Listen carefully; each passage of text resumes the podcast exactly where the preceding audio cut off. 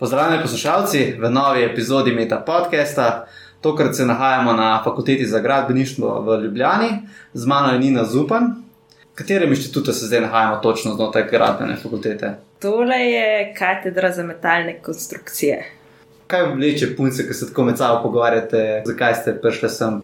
Ja, verjetno je res tako nekaj razmerja med neko tehniko, praktično bolj. Da nas je pa več na drugi stopni, ženske pa zaradi tega, po mojem, ker gre več fantov hitreje v prakso delati, smo malo bolj ustrajne pri študiju.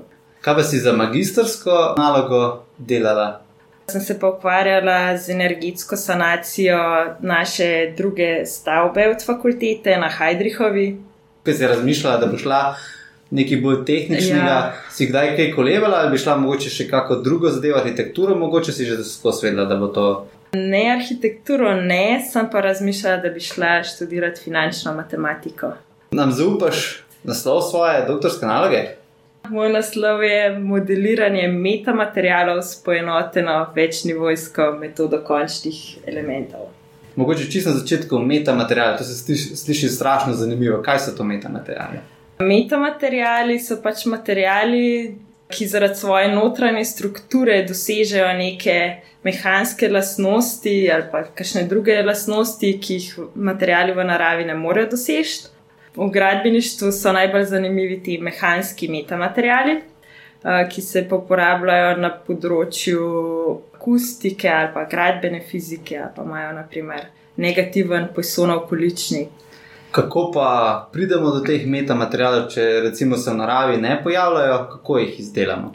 Ravno to je problem, da zaenkrat so te tehnologije, s katerimi jih najlažje izdelamo, šele v razvoju. To je naprimer 3D tisk, ker naprimer, če imamo neko zapleteno notranjo strukturo, jo zelo težko izdelamo z tiskanjem ali valjanjem ali pa z nečim takim. Tako da gre v bistvu z roko v roki razvoj tehnologije, pa tudi metod za razvoj teh metamaterialov. A bi bil recimo primer met metamateriala beton natiskan v znotraj obliko v zgradbi Satovja? Bi recimo to bil metamaterial ali ne?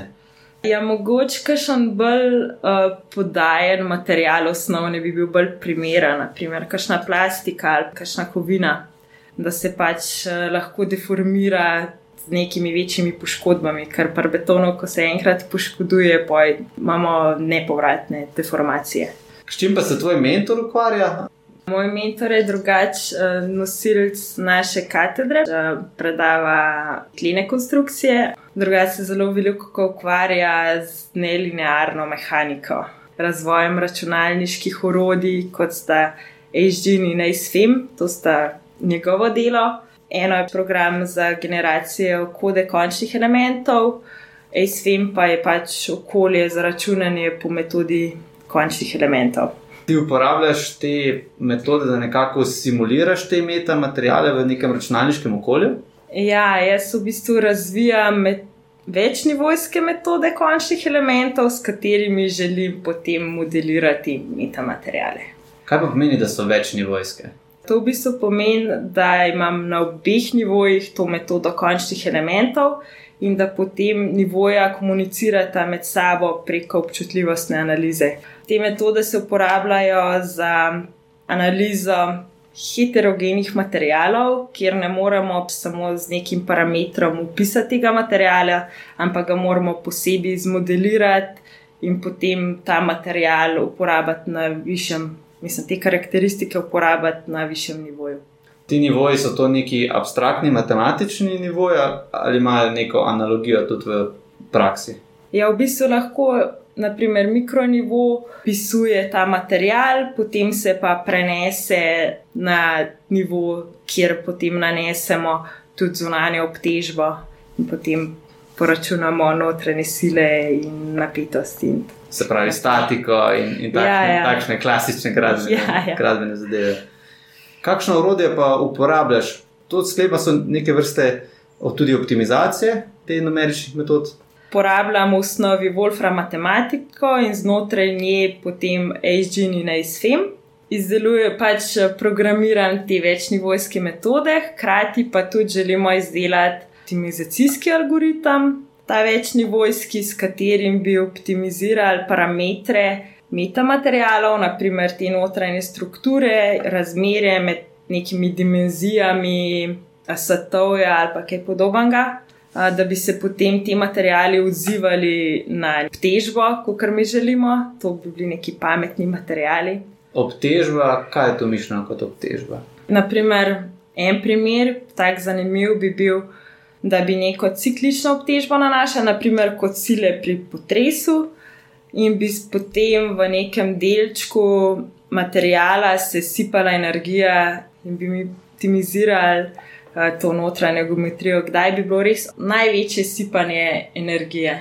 Tvoj doktorat je eh, nastavljen nekako tako, da najprej poskušaš v nekem računalniškem okolju to modelirati, en tak metamaterial, in potem vidiš, recimo, kakšna zasnova tega metamateriala je um, ustrezna, in potem, ali boš to tudi validirala?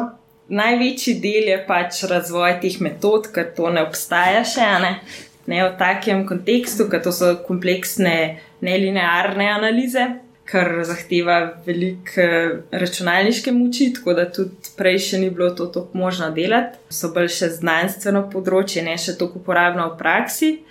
Potem pa je seveda narediti nek primer materijala, ga natisniti in potem testirati, da bi videli, če se to res da. Sicer so tukaj omejitve, še zaradi omejitev 3D tiska. Bomo videli, kako se, če se dejansko odziva tako, kot bomo zmodelirali na koncu doktorata boš imela te modele pripravljene za to modeliranje, in bi recimo nekdo lahko to uporabil, da bi te parametre tvojega modela nekako nastavil in pa za poljubne karakteristike, kot si recimo rekel, da bi se metamaterial boljše obnašal po potresu in ga potem recimo z nekim 3D tiskalnikom, ki bi bil zmožen recimo kovino. Natisniti v taki obliki in taki, ne vem, zlitini ali pa ne vem, taki kombinaciji kovin, bi pa to recimo uporabljal lahko pač v praksi. To je nekako ta vizija, če sem prav razumel. To sicer ni black box program. Tako da mora biti ta bodoči uporabnik navaden uporabljati uh, take programe, da mora sam narediti neko geometrijo, ampak v osnovi ja, bi lahko kaj takega naredili. Si se mogla veliko nekih novih matematičnih metod naučiti, ker si pač začela z doktoratom, si imela že dosti predznanja od, od prej, ali je bilo tu treba kar dati noter še nekaj sebe. Nekaj malega smo programirali na drugi stopni magistrski, bolj fra matematiko, ampak potem sem pa mogla kar še dosti dela vložiti, v, da sem se priučila te nelinearne mehanike, kaj več, pa predvsem, da začneš razumeti to povezavo med nivoji To je poprečen teden, verjetno zgleda z poganjanjem in razproščevanjem N in N programov. Veliko je tega iskanja, igle v senu, se mi zdi. Pa na tem programu delaš sama ali je to kak bolj širši projekt, kjer recimo na druge dele programa, pa še drugi kakšni raziskovalci? Kar dosti ljudi to uporablja, ampak eh, ta agent ni najsfem, ampak vsak dela precej specifično stvar, tako da potem, ko mi najdemo nek problem v programu, potem se tudi profesor Korelc odziva in, na to in doda kakšne nove metode in možnosti v program. Se spomniš, kakšne zanimive ali pa zabavne anekdote za, za časa doktorata?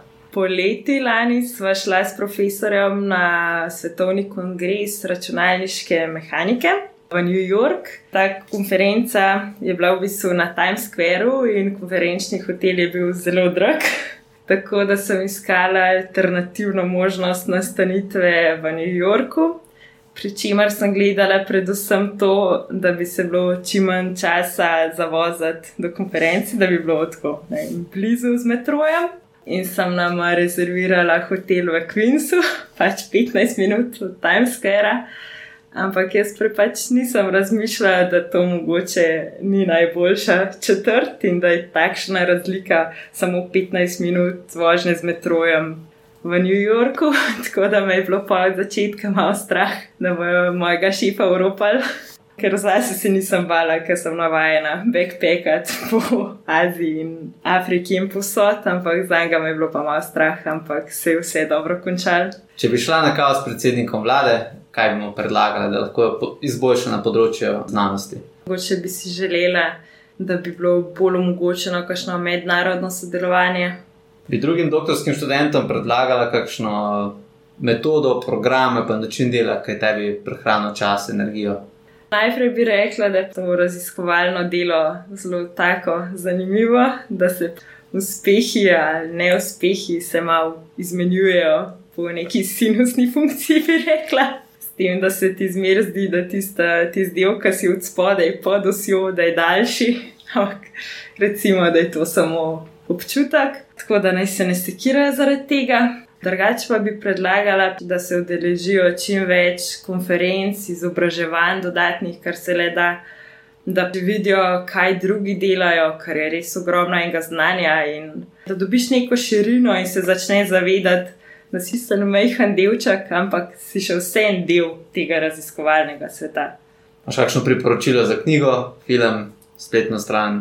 Predlagala bi knjigo Sto let samote od pisatelja Gabriela Garcia Marquez.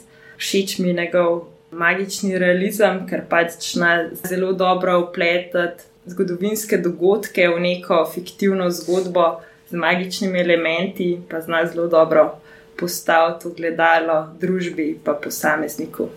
Če bi lahko povabila na večer kogarkoli, brez časovnih in krajevnih omitev, koga bi povabila? Povabila bi Jane Goodell, To je antropologinja in primatologinja, ki je veliko življenja preživela s šimpanzi.